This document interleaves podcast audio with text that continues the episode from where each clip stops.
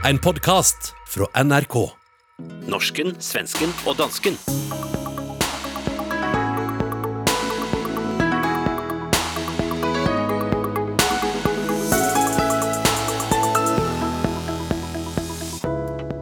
Hvilke danske piger var det Joe, Joe Biden tafset på eller befamlet, da han var i Danmark? Hvad skedde med den norske ironigenerations stjerne Harald Eia?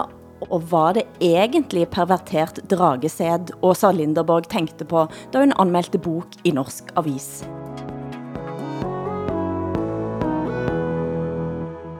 Hilde Sandvik spørg, Hassan Preisler og Åsa Linderborg svarer i dagens pan-skandinaviske familieterapi. Kanskje. Et ord som kommer til at klinge helt anderledes for dig, når denne timen er over. Men Hassan, helt kort, sidste headcount, uh, eh, og der snakker jeg ikke om det amerikanske valget, men om danske MeToo-mænd. Hvordan står det til? Ja, der er jo øh, forskellige nye sager, som er oppe at vende. Altså, Venstres gruppeformand har, øh, har stillet sig frem og fortalt om de øh, krænkelser eller overgreb, som han selv i sin tid som politisk frontfigur har begået mod unge kvinder inden for Venstres øh, partiorganisation. Og der spørger man sig selv, altså har man opført sig ordentligt? Øh, har, du, har, du, har, du været ude at sige undskyld for noget, for eksempel? Øh, jamen, der har der været episoder øh, i mit liv, hvor jeg ikke har opført mig, øh, som jeg synes var passende. Og der har jeg håndteret det situation, så har jeg sagt, det må du undskylde. Hvad, hvad er det, Carsten? Jamen, det er jo, det er jo godt Jamen, det bliver jeg nødt til at spørge om. Ja, men, men, øh, men det, tror jeg, jeg, det tror jeg, vil holde for mig selv, altså. Karsten Lauritsen satt og vred sig i stolen på det politiske talkshowet på DR. Eh, det er interessant at se, hvilken position danske mænd nå synes at befinde sig i. Ja, i forhold til Carsten Lauritsen fra Venstre, så, eh, så er det jo, eh, hvad kan man sige, man kan jo både kalde det en modig beslutning, at han træder frem og fortæller i, altså i, i detaljer om sine, um, øhm, sine aktiviteter som øh, politiker i, igennem mange år. Ikke? Altså både at han har haft sex med ansatte og opført sig upassende, altså at han øh, har været en del af en mandsdomineret kultur, hvor man øh, øh, gav, for eksempel gav en afskedsgave til en kvindelig øh, ansat øh, med beskeden om, at det er nemmest at komme til top som kvinde ved at lægge sig ned, og afskedsgaven var så et liggeunderlag øh, til hende. Ikke? Altså den, den type ting. Ikke? Men man kunne jo også kalde det rettidig omhu, altså ikke mod, men rettidig omhu, altså at han ligesom kommer sagerne i forkøbet. Ikke? Og så er der også et øh, konservativt folketingsmedlem, Nasser Carter, som har været under anklage på det sociale medie Jodel. Øh, og den debat har så været oppe i presselogen, hvor man diskuterer det etiske i, at journalister øh, affilierer sig med det her øh, besynderlige undergrundsmedie, hvor man altså kommunikerer øh, fuldstændig anonymt. Men altså Lauritsen, Kjartan Lauritsen gik vel ut uden at nogen havde anklaget han, i alle fall ikke offentlig. Mm -hmm. Og dette jodel, altså hvilken, det er jo lidt specielt at man i presselogen sitter og snakker med navngitt eh, person eh, om et skvaldrende et sted. Skønner man ikke her, at det er også en ganske etisk eh, lidt på grænsen? Selvfølgelig bliver det især noget råd, når de seriøse medier ligesom tager sager op fra et medie, hvor man kommunikerer totalt anonymt. Altså, det, det, det tror jeg, de fleste er enige om. Eh, og så synes du, at dansken har lært noget efter din eh, turné till Köpenhamn? Jag har ju berömt Danmark för att eh, jag har sagt att man vill inte göra som i Sverige. Man ska inte hålla på och tråla och leta i sociala medier med anonyma källor och sen så göra så kallad journalistik av det.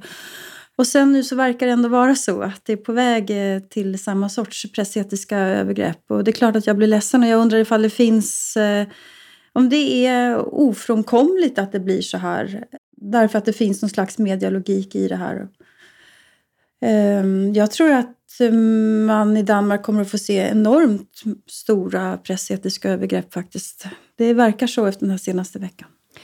Sist uke så snakker vi om den nå prisnominerte Per Marius Weidner Olsen, som blev sparket fra forlaget sitt på grund av en tidligere domfældelse, som i nogen grad overlapper med tematikken i romanen. Og debatten om virkelighedslitteratur raser videre i Norge, og leder for blandt andet Norske Pen- og Ytringsfrihetskommissionen, Kjersti Løken Stavrum, kom med et overraskende angreb på genren. Hør her fra Nyhetsmorgen. Jeg oppfatter at forlagene bevisst har skapt en hybridsjanger. De sier at dette er litt sant for å friste leserne, for å lage kikking. Og det er ikke alltid at folk som blir omtalt i såkalt virkelighetslitteratur, syns at det er helt greit, sier Kjersti Løken Stavrum. Jeg oppfatter at det gjør den litteraturen veldig vanskelig for folk som føler seg rammet, og jeg, jeg lurer på hvorfor man ønsker å gjøre det. Styrelederen i Norsk Penn mener forlagene kan ha økonomiske motiver, så de gjør det for å tjene penger. Ja, det oppfatter jeg. Jeg oppfatter at virkelighetslitteraturen har blitt en, en innbringende sjanger. Åsa, du har gitt ut flere bøker tett på virkeligheten. Er det kynisme og grådighet mm. som eh, tok dig? Nej, jag blir helt chockad när jag hör eh, den här kvinnan som alltså då är ordförande för Norsk Penn och hon är också deltagare i yttrandefrihetskommissionen vad jag förstår i Norge. Ledare eh, till och med. Hon pratar om att det här är någonting som förlagen vill ha. Hon har inte en enda tanke på att det finns författare som faktiskt vill skriva i den här genren och att det är vi som söker upp ett förlag när vi har skrivit klart våra böcker hennes uppgift det är ju att, att skydda författare. Ehm, det är det som är Pens uppgift. Hotade författare runt om i världen. Och väldigt, väldigt många författare är hotade just för att de skriver om sig själva och om sin verklighet. Och man kan ju inte ha en idé om eh, litteratur i andra länder och en annan idé om litteratur eh, i sitt eget land, utan det måste ju vara samma principer som gäller. Altså intervjuet fik også Mats Nygaard i Askau til at reagere kraftigt, og han skrev, den frie kunsten og ytringsfriheten blir, slik penlederen ser det, et skalkeskjul for kommersielle mål og menneskeskæbner, en lav kostnad sett op mot profit og fortjeneste, skrev han i Dagblad. Men men er det ret at den i kunsten kan komme med angreb og renvaskinger og påstander på en måde, som en aldrig kunne have tilladt i journalistikken? Men så är det ju. Det, och det är ju det är en intressant fråga tycker jag. Den är problematisk. Man kan påstå saker i en, en, i en bok som man inte kan göra i en avis eller en tidning. Det, det märker jag i det jag skriver till exempel. När jag kallar det för skönlitteratur så är det möjligt att påstå saker som in, jag inte skulle kunna trycka i Aftonbladet där jag jobbar. Det är klart att det är problematiskt. Det är det. Men det är någonting annat att säga att, att eh, förlag ger ut verklighetslitteratur för att de vill tjäna pengar. Det är ganska fräckt att säga det mot författarna faktiskt, men också mot förlag som ger ut... Jag menar, väldigt mycket av det här är ju faktiskt högkvalitativ litteratur. Hassan, du eh, bevæger dig også ganske langt ind i ditt eget liv eh, i litteratur og artikler, men er det kynisme og grådighet, som, eh, som har taget dig?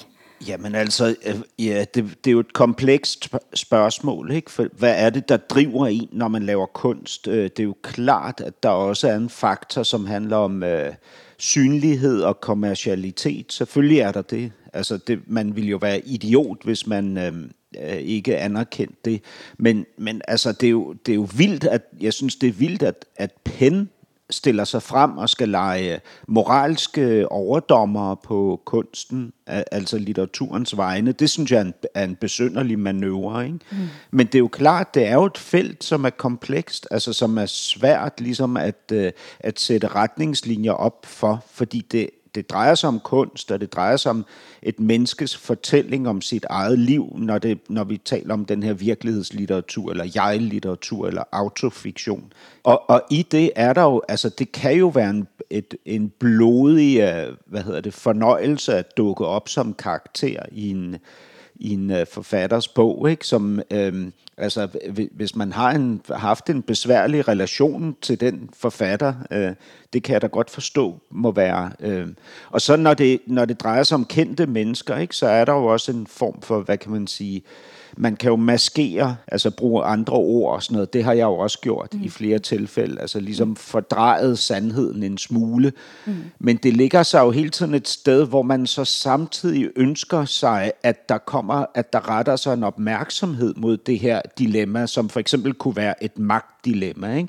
Og hvis der, hvis der så slet ikke er nogen indikation, som peger tilbage på virkeligheden, så bliver det også helt abstrakt. Ikke? Så det, ja, Jeg er helt med på, at det er en svær diskussion, men, men for fuck's sake, det skal ikke være Penn, der går ud og, hvad hedder det, jamen altså vender forfatterne ryggen. Hade, hade det här varit Sverige och Svenska PEN och en ordförande som uttalade sig så här, då hade jag lämnat Svenska PEN faktiskt. Mm.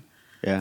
Men- Men, ja, jeg er men ikke også- medlem af, da, af Dansk Pen, fordi Dansk Pen tidligere har ageret moralske overdommer. Det har jeg ikke lyst til at være en del af. Du hører norsken, svensken og dansken. Programmet blir sendt i Danmarks Radio, Sveriges Radio og Norsk Rikskringkasting.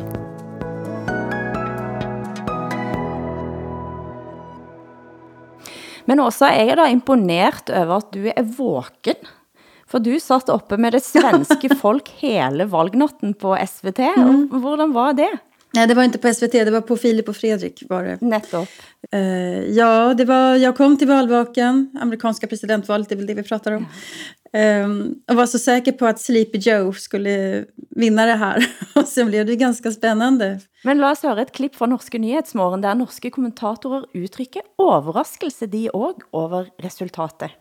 Det vi kan si så langt, er at dette har ikke blitt det valgskredet som eh, man kanskje hadde eh, regnet med for Joe Biden, i hvert fall i det demokratiske partiet.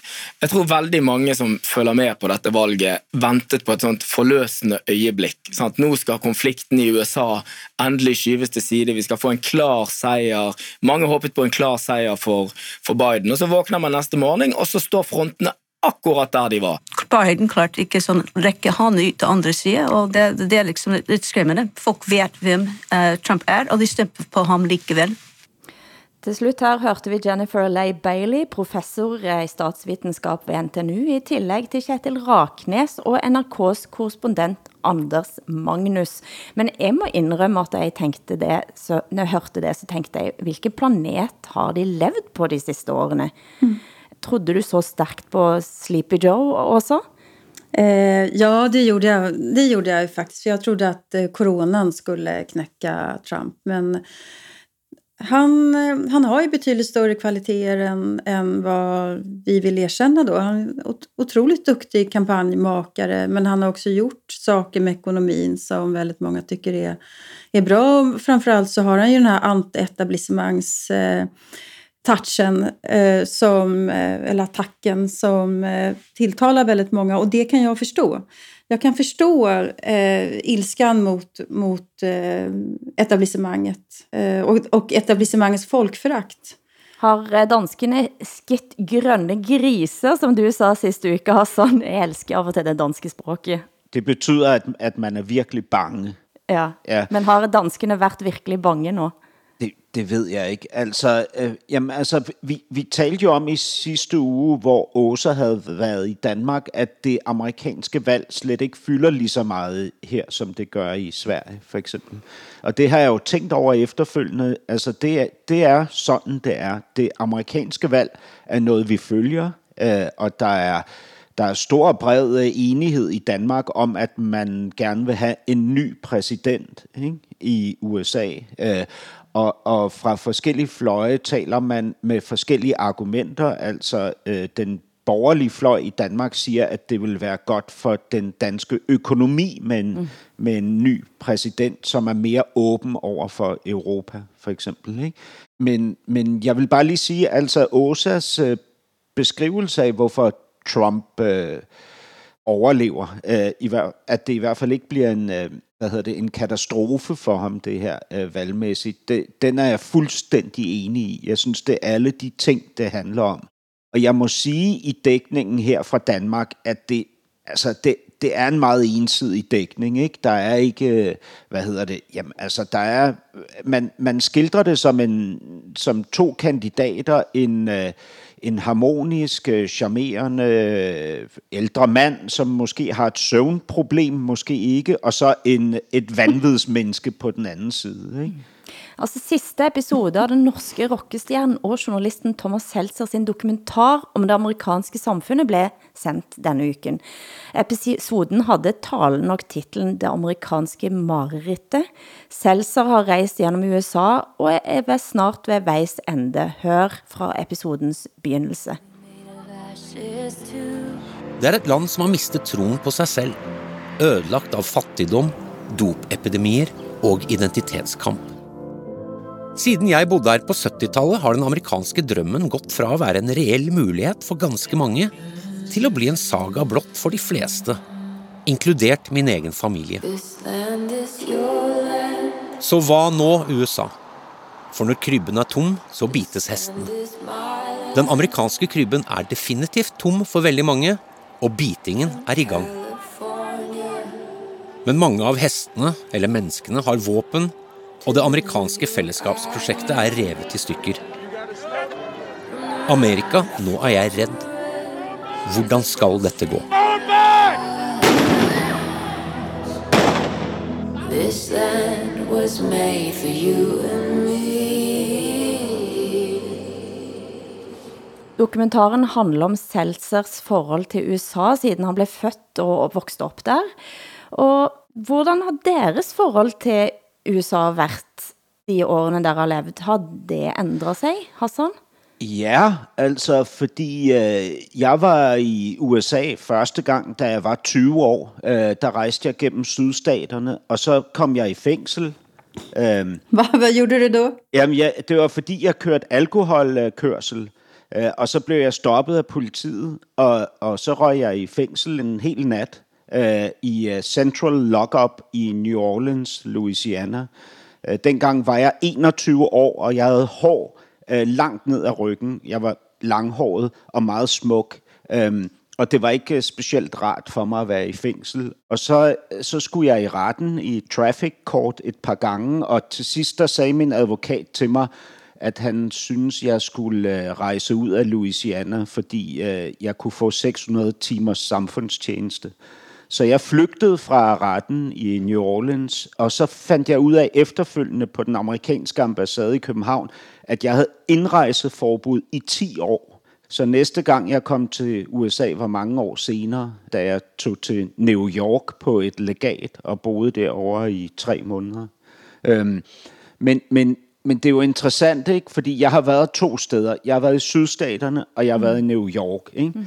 Og det, jeg synes, jeg ser i dag, det er jo, at den kulturkamp, som jeg fornemmede geografisk på det tidspunkt ikke allerede, den er jo kun blevet mere og mere tydelig og mere og mere markant over årene. Ikke? Men har du et anderledes syn på øh, USA nu, end det du havde, da du bodde der, og når du var der som 20-åring? Altså, jeg, jeg ville jo aldrig have troet dengang, at USA ville splitte sig øh, i kultur, fordi vi syntes jo netop om USA, at det var et sted, der kunne fagne og rumme af alle mulige fors- forskellige slags kulturer under en fælles paraply. Ikke? Men hvordan har dit uh, forhold til USA været og er også? Ja, men när jag var barn så en stor del av min verksamhet gick ju åt till att demonstrera mot USA-imperialismen och jag fick inte dricka Coca-Cola hemma och alltihopa det där. Men sen när jag blev äldre så såg jag de bästa tänkarna finns ju i, i USA. Alltså den bästa litteraturen för den som är samhällsintresserad finns, den bästa teoretikerna. Den bästa populärkulturen finns i, i USA. Jag är otroligt förtjust i USA och eh, jag känner en umhet för USA idag. Det är ett land i kris, människor mår väldigt, väldigt dåligt och människor ställs mot varandra. Det, det, det är sorgligt och otäckt att se vad som händer. Du hade en anmeldelse på tryck i Norske Morgenblad av Asle Toyes Europatriologi. Toye er blandt mm. andet forsker og kommentator og skribent i Danske Vikenavisen. Og her skriver du om valget av Trump for nøjagtigt fire år siden, om venstreliberalernes kollektive hyperventilering. Citat. De som mener at den allmenne stemmeretten har gått lidt for langt, og som nikker anerkendende til New York Times påstand om at USA ville ha været et lidt mer robust demokrati, om det havde været lidt mindre demokratisk. Det er de samme menneskene som nekter at erkende at højrepopulismen er nyliberalismens perverterte dragesæd. Hvad mente du med dragesæd? Det där är en felöversättning på norska. Eh, om jag förstår, dra, drakesäd, det måste bli drakspermier, eller hur? Ja. På, på, ja, det ordet har inte vi på svenska, utan draksådd, det betyder att man sår någonting i jorden och det som spirar upp är, är drakar helt enkelt. Att man, man, man får skylla sig själv om man har ordnat det för sig på det här viset. Så, men det var ju en rolig eh, felöversättning. att det hamnar i rubriken också.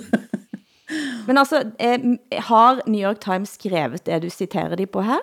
Mm, eh, det skrev de när Trump eh, valdes. Så då, men också i samband med, med Brexit också så kom ju motsvarande tankegångar i brittisk press och även i svensk press. Alla de här I'm a democrat but-människorna.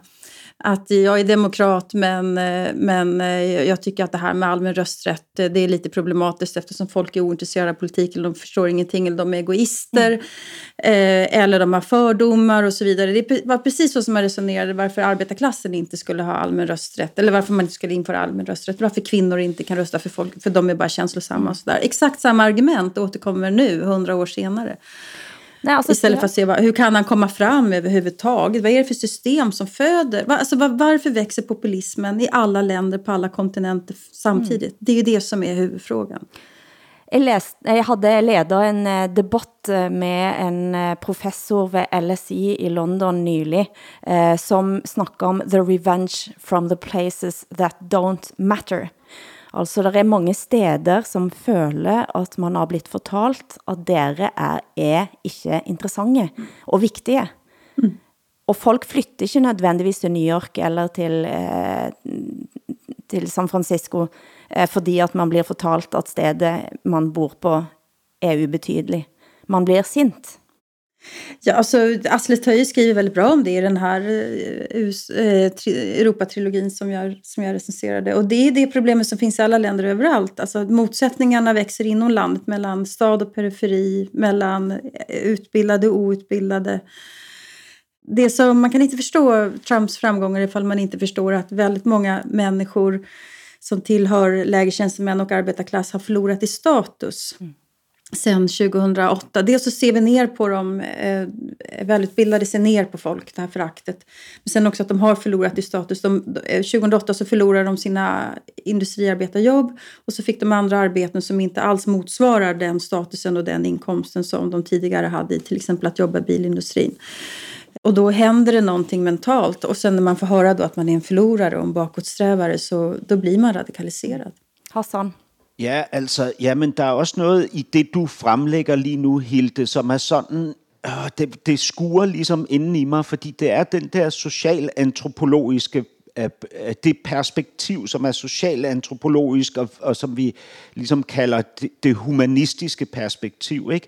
Hvordan kunne det gå så galt for dem, at de stemte på Trump? De må have følt sig marginaliseret, er altid vores forklaring. Jeg kan huske, på et tidspunkt, der havde Fremskridtspartiet mange år efter Mogens Glistrup her i Danmark, en jordskredssejr i Sønderjylland. Ikke? Straks så rejste alle øh, journalisterne fra hovedstaden ned til Sønderjylland for at finde ud af, hvad der var gået galt. Ikke? Den råtne banan, som det heter. Ja, vi, vi, har meget, mm. vi har meget svært ved bare at acceptere, at mennesker, øh, som ikke er som os, går op og sætter deres kryds der, hvor de har lyst til at sætte det. Mm. Ikke? Det, mm. det er nærmest, at vi kan nærmest ikke holde det ud. Og det er lidt det samme, når vi, når vi, når vi ligesom prøver at perspektivere øhm, øh, islamismen, ikke? Mm. så mener vi, at det må handle om social udstødelse. Ikke? Jeg lavede på et tidspunkt en serie interviews med fundamentalister inden for islam til et teaterstykke. Og mit perspektiv, det var hele tiden socialantropologisk. Hvad gik galt i din barndom, i din ungdom, for at du kunne blive islamist? Ikke? Og de sagde alle sammen til mig, øh, en efter en, de sagde, det har ikke noget med min barndom eller min ungdom at gøre. Det har noget at gøre med, at Gud siger til mig, at jeg skal gøre sådan her. Det förstår jag också, men du jämför alltså eh, miljontals väljare i USA med eh, IS-terrorister. Det, det nej, nej. kan du inte nej, göra. Nej. Det, det går faktiskt nej, inte. Nej, det gør jeg slet ikke. Det, det jeg sammenligner, det er vores, altså hvad hedder det, elitens tilgang til mennesker, der træffer andre valg, end dem vi ønsker, de skal træffe. Det er det, jeg prøver at sidestille. Mm. Ikke? Vi kan ikke acceptere, jo. at de bare stemmer, som de gør. Nej, men man kan heller, nej, det håller jag helt med om. Det, det finns många som röstar för att de faktiskt är, är rasister till exempel. Helt tveklöst.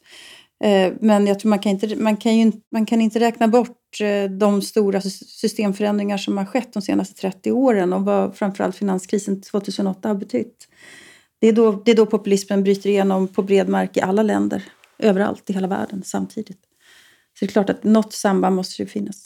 Men så satt en altså på valgnatten og så dansk TV, og der sitter Anders Fag Rasmussen og Helle Thorning-Smith og blir bedt om at beskrive sin kollega og tidligere samarbejdspartner Joe Biden. Svaret til Fag Rasmussen har ført til overskrifter i danske aviser. Han er virkelig sød og rar. Jeg vil så sige, jeg tror ikke, han passer ind i MeToo-konceptet. Altså, han er meget sådan fysisk. Det, hvorfor han jo også har fået øgenavnet Grabby Joe, altså Det har at han, og hænderne måske Mine to øh, døtre arbejdede øh, på Københavns øh, topmøde, demokratitopmøde, som vi holdt i 2018, hvor Biden han var på besøg. Så det kan de fuldstændig bekræfte. Men han, øh, altså... Jeg tror, at vi fik en form for Ja, det, breaking det news. var breaking news. Eller grabbing, grabbing. Lad os håbe, at det ikke kommer til USA. Men, men, men, men han, øh, han, han mener det godt, ikke også? Altså, det er det. Øh, og øh, han, siger de alle er, sammen, han er et elskeligt menneske, jeg er fuldstændig enig i. Et bevis på at danskere ikke tænker på nogen ting andet end MeToo om dagen. Selv tidligere NATO-chef har fået granatchok.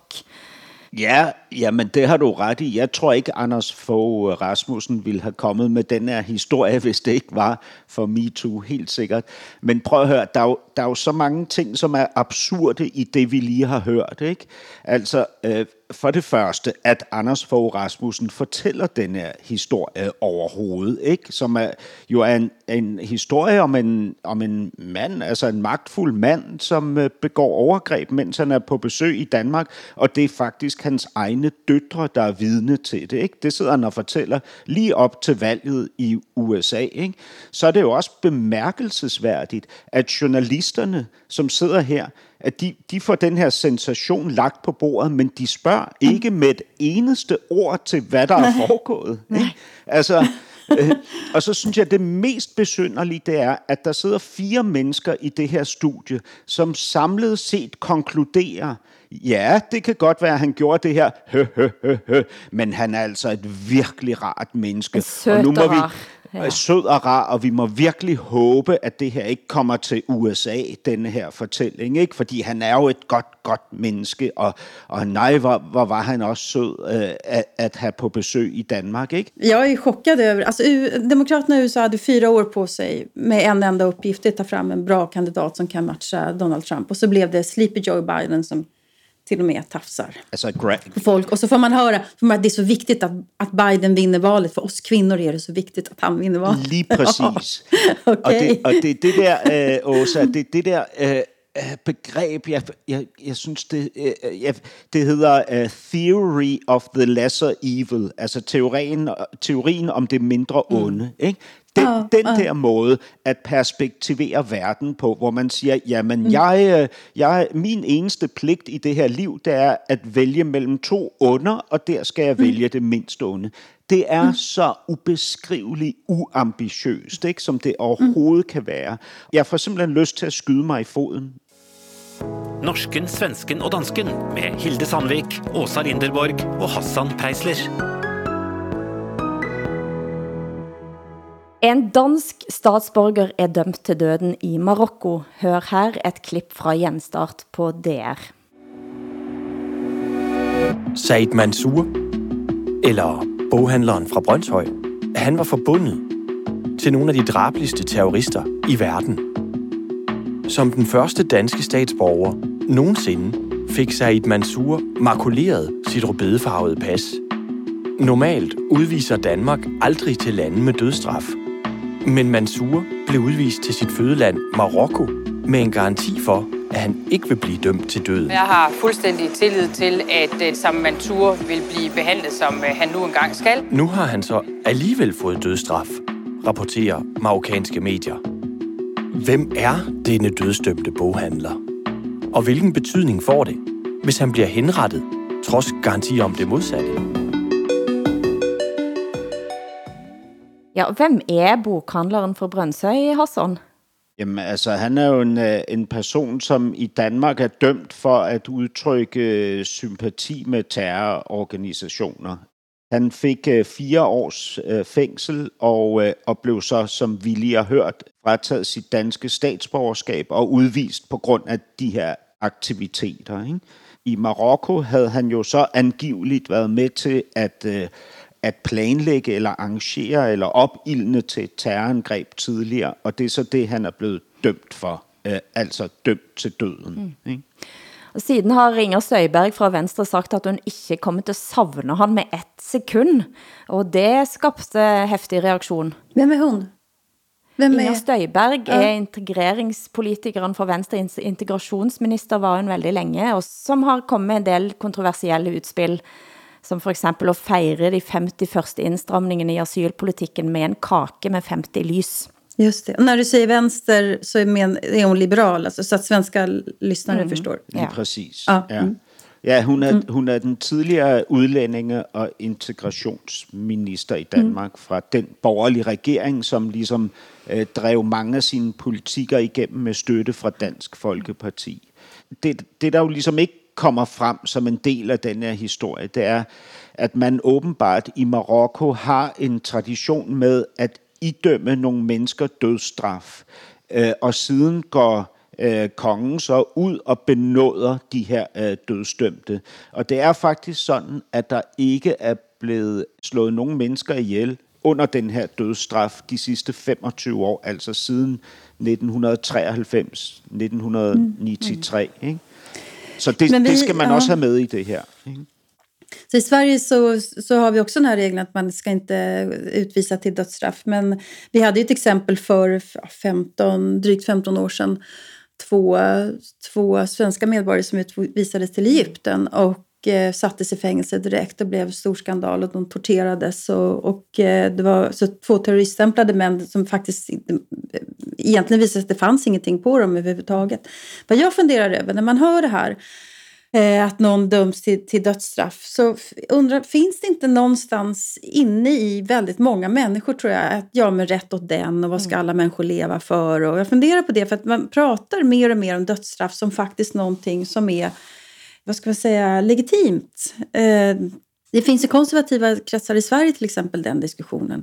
Inte att man ska införa dödsstraff i Sverige men att man kan ändå förstå och varför inte egentligen principiellt och sådär. At, Och det, at man tåler at folk blir dømt til døden et andet sted, så længe man selv kan vaske hændene. Ja, ungefär, ungefär så. Och det finns vissa människor som har gjort så stora brott så varför de förtjänar inte att leva längre. Mm.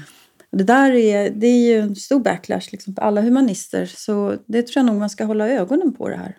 Mm. Endelig så er det en stor og teit kulturdebatt igen i Sverige. Er det første tegn på at vi er på vej tilbage til normalen? For nå diskuterer svenske kultursider häftigt. kanskje mannen. Og hvorfor det også? Hvor starter dette? Ja, alltså den som startade är en kvinna som jag har stor respekt för på många sätt, som jobbar på Svenska Dagbladet, eh, Josefin Holmström. Hon har etablerat begreppet kanske-mannen och det är den här mannen som, som dejtar men inte kan binda sig och som inte vet vad han vill och som inte vill följa med till Ikea och som liksom inte ger några löften och sådär. Eh, Jag tänker bara att det finns många sådana kvinnor också och eh, som nog också bara ligger runt och eh, inte kan vinda sig. Jag tycker det är fantastiskt att Sverige kan ha en debatt kring det här överhuvudtaget. Och hon baserar det då på sina egna erfarenheter av att dejta mellan 20 och 30 år. Att, att männen liksom inte vill binda sig. Jag tycker nog att det är ganska generaliserande att säga att så här är män överhuvudtaget. Jag har erfarenhet av män, måste män som vill gifta sig första veckan och sådär. Hassan, er du en kanskje-mand? Øh, ja, måske. øh, nej, det synes jeg faktisk ikke, jeg er. Altså, jeg, jeg, er det, jeg er det i hænderne på nogle bestemte kvinder. Altså de kvinder, som afkræver mig svar hele tiden, ikke? Som forlanger af mig, at jeg skal træffe beslutninger for, at øh, fordi de gerne vil have, at vi skal komme deres usikkerhed til livs. Ikke? Mm. I, I hænderne på sådan en kvinde, så bliver jeg nok en måske mand. Ikke? Men, Men jeg lurer jo lidt på, hvad er det med kvinder? Så, eh, NRK havde nylig en sak, en stor undersøgelse, som viser at syv av ti kvinder i Norge forventer at mannen er hovedforsørger i forholdet. Og jeg tænker så, at vi, altså, at vi skal kræve, at mannen skal bli med til IKEA av alle ting, og at han skal tjene mest. Hvad er det med kvinder også? Jag är förvånad också över, det är så konservativt. Jag trodde att eh, kvinnokampen hade kommit längre. Att, eh, att det finns en skönhet i att man har en egen ekonomi, att man klarar sig och att man överhuvudtaget inte funderar över... Og rejse til IKEA alene, hvis en plent skal Ja, ut dit da. Ja, nej, jag kan tänka mig att man kan ha en man till mycket annat, men just det här med Ikea tycker jag väl inte är det viktigaste. Då vill man ju bara ha en, en, eh, någon som kan bära saker eller så. Jag förväntar mig nog lite mer av en man, tror jag. Ja. Altså, jag är som sagt mest rädd för eh, mås, måste-männen som... Ja, men hvad med kvindens egen lyst og eget ønske om at være der, og egen, eget behov for at være uforpligtende? Altså, Ja, alltså du säger något viktigt här, Hilde, för att det, det här är det som, jag har ju en spaning om att eh, det som konservativ syn på kvinnor och kvinnosexualitet nu, att det är en backlash de senaste åren och metoo har ju, har ju liksom hjälpt till med det där. Eh, det är klart att det finns kvinnor som också bara vill ligga runt eller treva sig fram, söka, eh, inte heller vill binda sig utan bara vill ha roligt. Men det, det, det jag tycker ändå finns någonting i, i Josefin Holmströms text här, det är ju det att äh, känslan av att man är utbytbar. Och den känslan, den växer ju med Tinder-ekonomin. För där är alla människor utbytbara hela tiden. Det går ju ut på det. Och det är klart att det skapar en sorts nya, kanske, inte- jag skulle inte säga nya könsroller, jag går inte med på det. Men däremot ett nytt sätt liksom, att förhålla sig till varandra i relationer. Det tror jag. Jeg synes, det er meget bemærkeligt. Jeg har, jeg har fandt en tilsvarende undersøgelse her fra Danmark, øh, Hilde. Den er godt nok nogle år gammel, men, men det er så alt for damerne, som har lavet den i samarbejde med Megafon, og den viser 75 procent, altså 7-5 procent af kvinderne, som er i et forhold, hvor manden tjener mere, siger, at deres mand er maskulin i en høj grad. Hvor kvinder hvis mænd tjener mindre, end de selv gør, har øh, en meget lavere procentsats i forhold til at mene, at deres mand er maskulin. jeg, hvad jeg, bliver, jeg bliver helt svimmel af dette. Otroligt Ja. intressant. Så att maskuliniteten ligger i plånboken alltså. ja. ja, det var hemskt att höra. Ja. Min, jeg vil gerne sige, at min kæreste tjener mere, end jeg gør. Jag har alltid tjänat mer än mina män också kan jag säga. På 90-tallet satte Harald Eia standard for en hel generation, det som i Norge blev kendt som ironigenerationen, med uerbødig omgang med alt i det socialdemokratiske Norge. Ikke minst med det klamme, folkeopplysende TV-tilbudet. Jeg skal prøve et lite eksperiment nå. Jeg skal vise dig et klipp fra hans parodi på seksualoplysningsprogram fra 1999, som siden har gått ind i den norske TV-kanon. Hej og eh, velkommen til Godt for dig og godt for mig. Hvor vi som vanligt skal snakke åbent om krop kropp og sex, og hvor ordet tabu, han er en fremmed kar. Varför får man inte se kuken för undrar jag. På... Man vill se allt. Så er det e-post øh, som har kommet. Kjære åpen kropp. Jeg lurer på det området mellom pungen og stumpen. Hva brukes det til, og hvorfor ser det så gammelt og rynket ut? Hilsen Torstein Stokke Åsgårdsson. Eller, Torstein, øh, du tenker vel på denne delen her, tenker jeg. mellom, her, mellom pungen og, og, øh, og ræva. Rass. Så hva brukes det til? Det är svårt att kommentera det där, men han... eh, Han viser skrukken. Vad är det för ord? Vad betyder det? Det är alltså... Ku- kuken? Nej, på dansk hedder det mellemkødet. Jaha, just det. Så, Ja. så det, det, det, det, det, Ja, ja. det, det lille stykke mellem pungen og, og numsehullet. Numsehullet. Jeg elsker dansk. Hvad hedder øh, numsehullet på, på norsk? Jeg trodde det hette på dansk røvhuller. Ja, men det vil jeg så ikke sige på radio, men øh, okay, røvhullet. Ja. Ja. Og dette er altså blitt ikonisk eh, TV-øjeblikk eh, ifra ironigenerationens eh, højdepunkt av nogle år.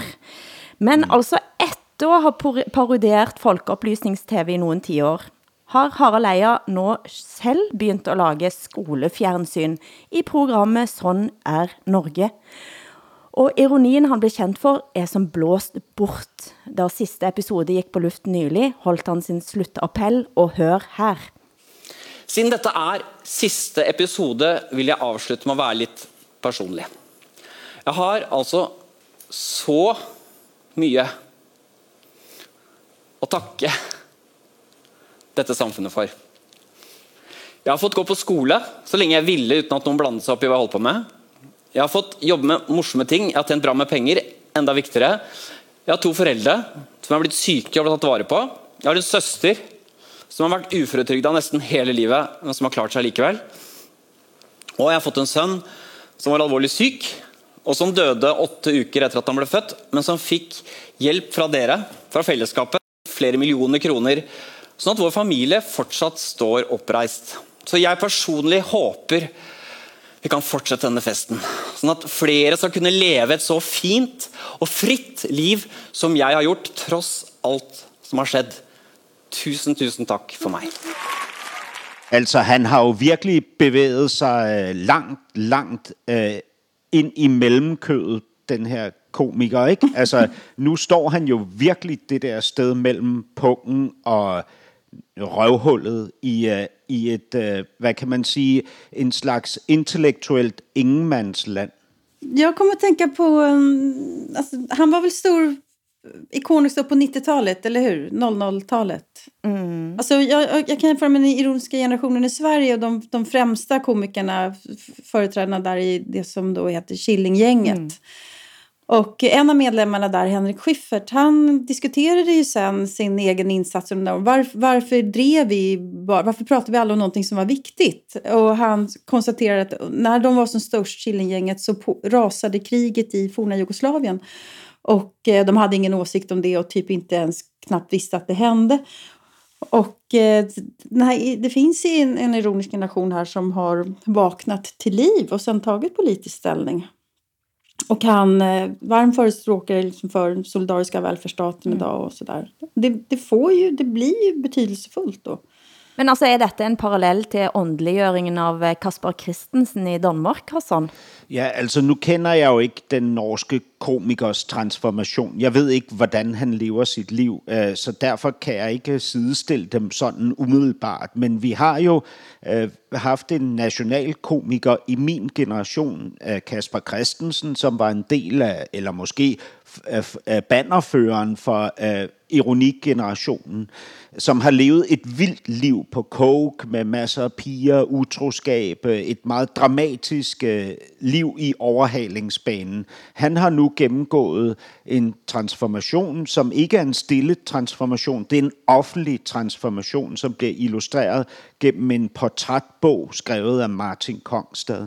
Det, det der er, altså vi har en debattør i Danmark, øh, uh, GT Amiri, hun beskriver det ret skarpt, hvad, hvad problemet er med den her type, øhm, hvad kan man sige, øh, bodsgang. Øh, og det, det er, at altså, når, når man ser på Kasper Christensen, så endte han jo alligevel med det kæmpe store hus, den massive succes, en meget ung kone og og et, øh, et luksusliv, ikke på baggrund af den eksistens, han har ført tidligere. Det vil sige, den, det selvopgør, han har, er ikke et selvopgør med nogen som helst form for konsekvens for ham. Mm. Og derfor mener G.T. Amiri også, at transformationen er utroværdig, fordi den er ikke inspirerende. Folk vil, øh, unge mænd vil stadig tænke, jeg kan godt tage coke, øh, misbrug kvinder, være utro over for øh, min kone og svigte mine børn, og alligevel ende på toppen af samfundet i en stor villa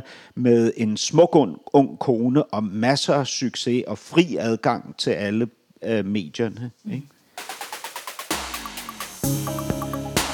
Du hører norsken, svensken og dansken i SR, DR og NRK.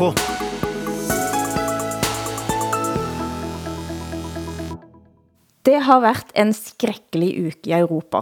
Pushvarsler om terror i Wien, flere angreb i Frankrike og nå vil nye borgerlige i Danmark samarbejde med Charlie Hebdo om at publicere karikaturer. Men Charlie er ikke interesseret. Hvad har skett, Hassan? Ja, altså, jeg, jeg, det er lidt svært at, at nå ind i detaljerne af den her afvisning. Altså, som jeg forstår det, så er det to tegnere, som har tegnet profeten Mohammed under Charlie Hebdo. Den ene af dem er død, den anden lever stadig. Ham, som er død, har i sit testamente skrevet, at de her tegninger, han har lavet, aldrig nogensinde må associeres med partipolitiske organisationer og bevægelser. Og derfor vil det aldrig kunne lade sig gøre, at nye borgerlige øh, indrykker en annonce, hvor de trykker tegningerne. Men den, den store, altså det, det, der jo er vildt herhjemme, det var, at inden vi nåede frem til, at det ikke ville kunne lade sig gøre, så måtte medierne i Danmark stille sig frem og illustrere deres beslutning. Mm. Har vi tænkt os at acceptere indrykningen af den her annonce, eller har vi ikke? Øh, og der, der blev altså trukket en streg ned igennem de danske medier, hvor der på den ene side stod chefredaktør frem for Berlingske, BT og Weekendavisen, som sagde, ja, naturligvis skal denne her annonce indrykkes, øhm, hvis den opfylder de samme krav, som alle andre annoncer gør. Øh, og på den anden side havde man så øh, Jyllandsposten, som sagde, nej, vi tør ikke, og Ekstrabladet, som sagde, vi venter og ser, hvad som sker. Ikke? Og politikken, øh, at det ved vi jo alle sammen, de kommer jo ikke til at indrykke sådan en annonce nogensinde. Men altså, det har eh, ført, eh, du jobber jo for Weekendavisen, Hassan. Eh, Hvad tænkte du? Jamen altså, I ved jo godt, det, det der altid sker for mig, det er, at jeg bliver grebet af panik. Altså, jeg, øh, jeg mener personligt, at det var den helt rigtige beslutning, da vores chefredaktør gik ud og sagde, at naturligvis skal den her annonce indrykkes, hvis den øh, lever op til de vilkår, vi har for annoncer. Øh, Ja, hvad gjorde jeg? Ja, det første, jeg, jeg gjorde, var, at jeg genetablerede øh, min hemmelige adresse. Øh, jeg fik skjult mit telefonnummer og så videre, og det er sikkert øh, manøvrer, som er helt overflødige, men det var ligesom, hvad jeg kunne gøre. Ikke? Altså, udsigten øh, til, hvad der kunne ske, var jo, altså det, det var jo Jamen, jamen, jeg så jo ligesom det hele oprulle sig en gang til, ikke? Karikaturkrisen på ny, ikke? Øh, men, men nu med alle de nye måder for øh, konfrontation, der eksisterer, altså øh, halsafhugninger, og overskæringer, hovedafhugninger og sådan noget, ikke? Altså, jeg må, tænke, jeg må sige, at da jeg hørte øh, Charlie Hebdo sin reaktion, øh, at de nægte at indgå i et uh, politisk spil, så tænker jeg, heja Charlie Hebdo. Uh, for er det ikke netop det, som er problemet, at man gør altså ytringsfriheten til indtægt for en ganske hul højreside, som når det kommer til stykket, sjelden er den varmeste forsvaren for ytringsfrihet. Mm. I stedet så burde man alle kunne gøre vårt, men man blir holdt som gissel. Yeah. Jag blev också väldigt glad när jag hörde talas om det där eh, testamentet. Mm. Det är integritet tycker jag och det är förutseende mm. också. Så vem som helst kan ju liksom annars använda de där bilderna. Vi må desværre snakke om coronatiltak igen. Eh, Åsa, hvad sker? Smitten tar av i Sverige, og man mister kontrollen, blir det snakket om. Hvordan er stemningen hos dere? För svenska lyssnare så låter det så konstigt när Hilde säger att smittan tar av. Det betyder att den avtar, ah, skulle man tycka. Ja, eh, Men den ökar ju rejält. Ja, det gör den. Och eh, ja, man pratar om att vi har tappat kontrollen. Och eh, förmodligen är väl slutsatsen då att lockdown eller att göra som Sverige har en rätt pragmatisk liksom, öppenhet. Ingen, inget av det där hjälper helt enkelt mot det här viruset. Det, jag tror det dog, ja, alltså det dör 37-38 personer om dagen nu.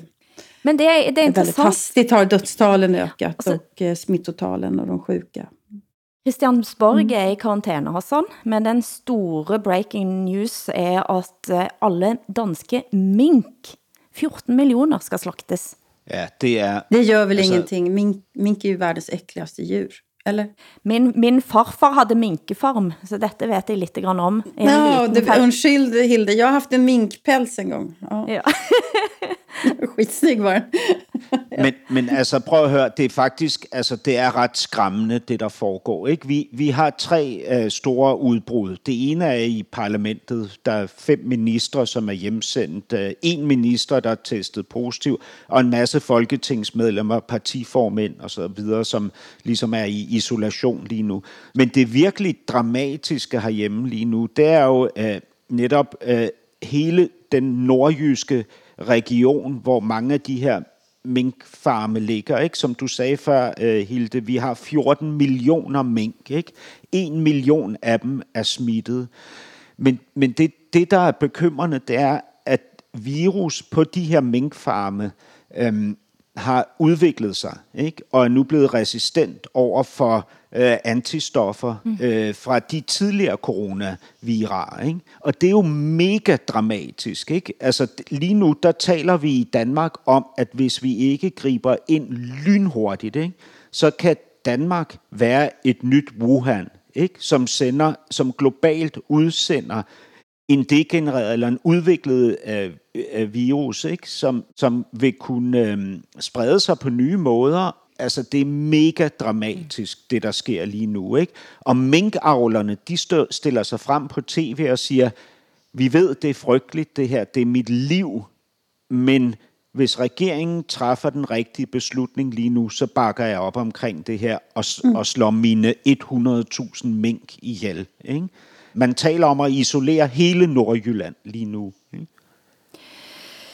Jeg er jo da sitter her eh, på min tiende dag karantene, eh, og selvfølgelig blir veldig selvoptatt eh, her jeg sitter, og Folkehelseinstituttet i Norge har kommet med nye helseråd. Og der de, ja, isolerer Nordjylland, men her er det en slags isolering av enslige. Citat, de som bor alene bør kun ha to til tre personer de er fysisk nær. Det bør være de samme personene over tid. Mm. Altså hvis man tænker sig at ensomhed er en stor sygdom i verden, så håber jeg at Folkehelseinstituttet og vurderer hvilke helsemæssige konsekvenser et sånt eh, råd faktisk har. To til tre personer som man kan være nær. Det blir inget liv att leva till slut med alla de här restriktionerna. Och det är så dystopiskt, det är så gräsligt. Men jeg har et tips kanskje til danske og norske single, som nå blir tvangsisolert av Werner Solberg eller Mette Fredriksen, og gå ut og se Thomas Winterbergs sidste film Druk. Premisset i filmen er nemlig at fire danske mænd tester en norsk filosofisk hypotese. Vi kan høre et lite uddrag fra traileren. Der findes en, en norsk filosof. Han øh, mener, at mennesket er født med en halv promille for lidt. Altså, jeg må sige, jeg kunne da godt sådan bruge en halv promille sådan på daglig basis for at få lidt mere selvtillid. Det har vi da alle sammen brug for. Det har du da også brug for. Jeg synes, det er spændende. Det gør jeg også. Så det er det, vi gør. Filmen heter Et glas til på norsk. Er dette en idé til en specialsending, dere? Julefrokost med 0,5 i promille. Er dere med? Ja, det är klart att jag har lust att göra det. Ja, ja. Jag har hört att den där filmen ska vara väldigt bra. Har jag hört. Jag längtar till att den kommer till Sverige. Men julefrokostsending med lidt promille. Det gør vi. Special. Det kan bli jättebra radio, ja, Hilde. Jeg lurer på det. Jeg lurer på det. Lad os gøre det. Hvad hedder det? Alle julefrokoster er aflyst i Danmark, så Ja. ja. vi kommer til at trænge til det. Så ja. jeg, jeg er meget øh, frisk. Jeg vil sidde her og, og spise sild og drikke snaps. Ja. Jeg ved ikke, hvad I spiser i Norge til julefrokost. Det er sikkert myseost med remoulade, skår, skåret med en sølvkniv.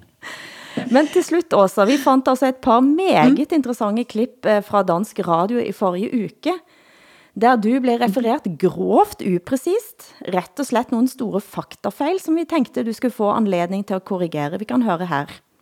Bogen hedder Året med 13 måneder, som er skrevet af den svenske journalist Åsa Lindborg. Så har jeg fået et, øh, et andet perspektiv på hele den her MeToo-debat. Det er øh, omkring Åsa Lindgren, hende der nu har skrevet denne her bog. Lindborg eller Lindgren, vil du, vil du forklare danskene en gang for alle, hvad du heter? Ja, jag heter Åsa Linderborg. Jag är ju väldigt missnöjd med mitt förnamn. Så eh, Man kan kalla mig Lindeborg bara, det tycker jag räcker gott. Och det får ni lära er i Danmark nu faktiskt, vad jag heter. For det du egentlig heter også er Natasha Kalashnikov kallar jag mig för i min bok. Mitt alter ego.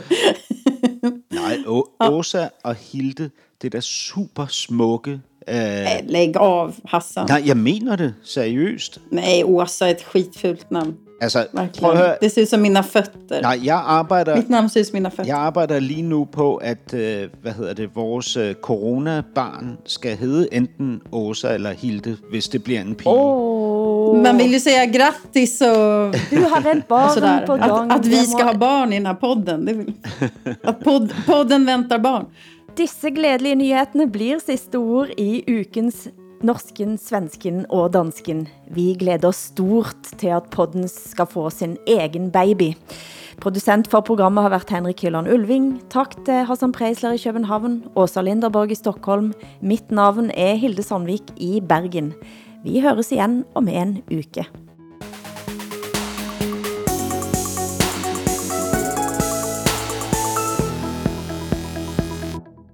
Du har hørt en podcast fra NRK.